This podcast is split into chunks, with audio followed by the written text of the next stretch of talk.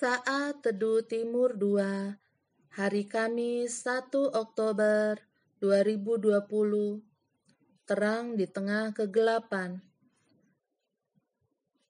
Bahan saat teduh kita pagi ini diambil dari Matius 5 ayat 14 sampai 16 Kamu adalah terang dunia kota yang terletak di atas gunung tidak mungkin tersembunyi.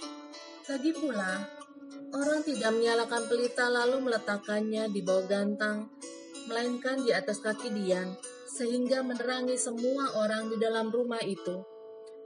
Demikianlah hendaknya terangmu bercahaya di depan orang, supaya mereka melihat perbuatanmu yang baik dan memuliakan Bapamu yang di sorga. Suatu malam saat akan membayar parkir, saya cukup kewalahan mencari lembaran uang di dalam dompet. Lampu di bagian atas mobil pun ternyata tidak menyala.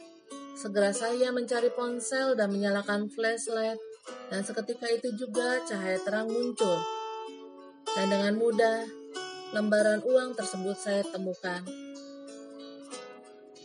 Terang atau cahaya terasa sekali dampak kehadirannya justru di tengah kegelapan. Terang sekecil apa pun tetaplah sangat dibutuhkan dan dinantikan di dalam kegelapan.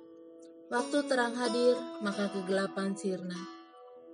Mari kita merenungkan nats firman Tuhan hari ini. Yang pertama, posisi di mana pun Tuhan menempatkan kita, dia mau kita bersinar terang, memancarkan cahaya.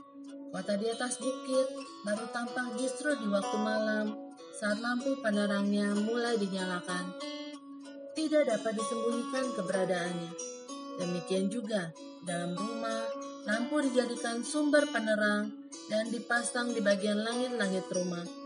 Bila terjadi pemadaman listrik, cahaya lilin atau lampu emergensi juga diletakkan di tempat yang cukup tinggi dan aman agar jangkauan sinarnya cukup menerangi area yang luas. Yang kedua, tujuan dari menjadi terang adalah bukan hanya terlihat, namun berdampak dengan kehadiran kita.